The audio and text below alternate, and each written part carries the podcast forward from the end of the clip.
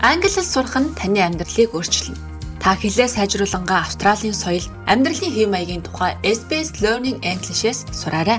Манай подкастыг хаач явсан сонсож болно.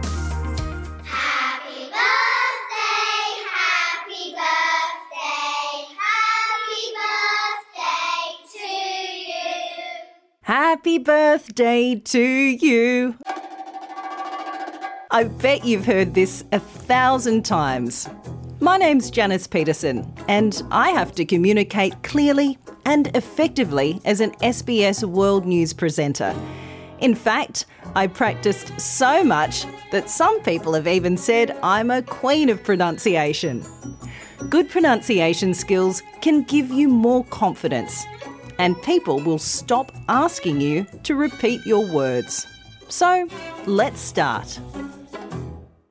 Wishing someone a happy birthday is a great thing to do, but it is difficult for many learners.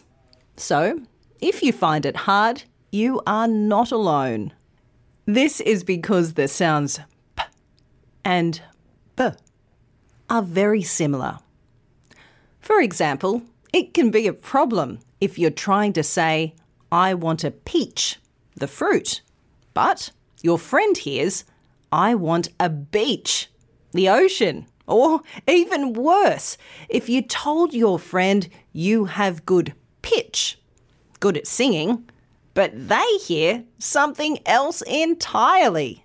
So, today we're going to focus on the difference between the p and b sounds.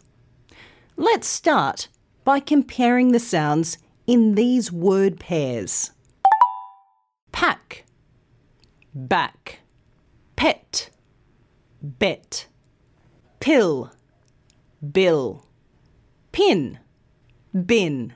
Can you hear the difference? Now, let's work on how to pronounce these sounds. Both of these sounds are made in the same part of your mouth. You put your tongue in the centre of your mouth with your teeth slightly open and your lips gently closed. You then blow air through your lips. So, what's the difference? The p sound is unvoiced. That means you don't use your voice when you say it. You might like to try saying these words with your hand on your throat.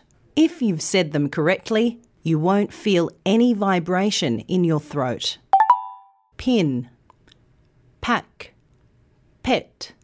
Now, have a try saying the voiced b sound with your hand on your throat. You should feel a vibration. Bin, back, bet. Did you feel the vibration this time? Feeling the vibration is how you know the sound is voiced. Have a try saying happy birthday with your hand on your throat. Can you feel the difference in the vibrations the different sounds make? Who's with us today? We are from IES College in Brisbane. Oh, ready? Go, sorry, three. One, two, three. Happy birthday to you. Happy birthday to you. Happy birthday, dear Peter. Happy birthday to you. Happy birthday, Peter. Why don't you try recording yourself and your friends singing the happy birthday song next time you're at a party? Then you can listen back to the recording and check your pronunciation. Well done! You've just learnt and practiced the difference between the p and b sounds.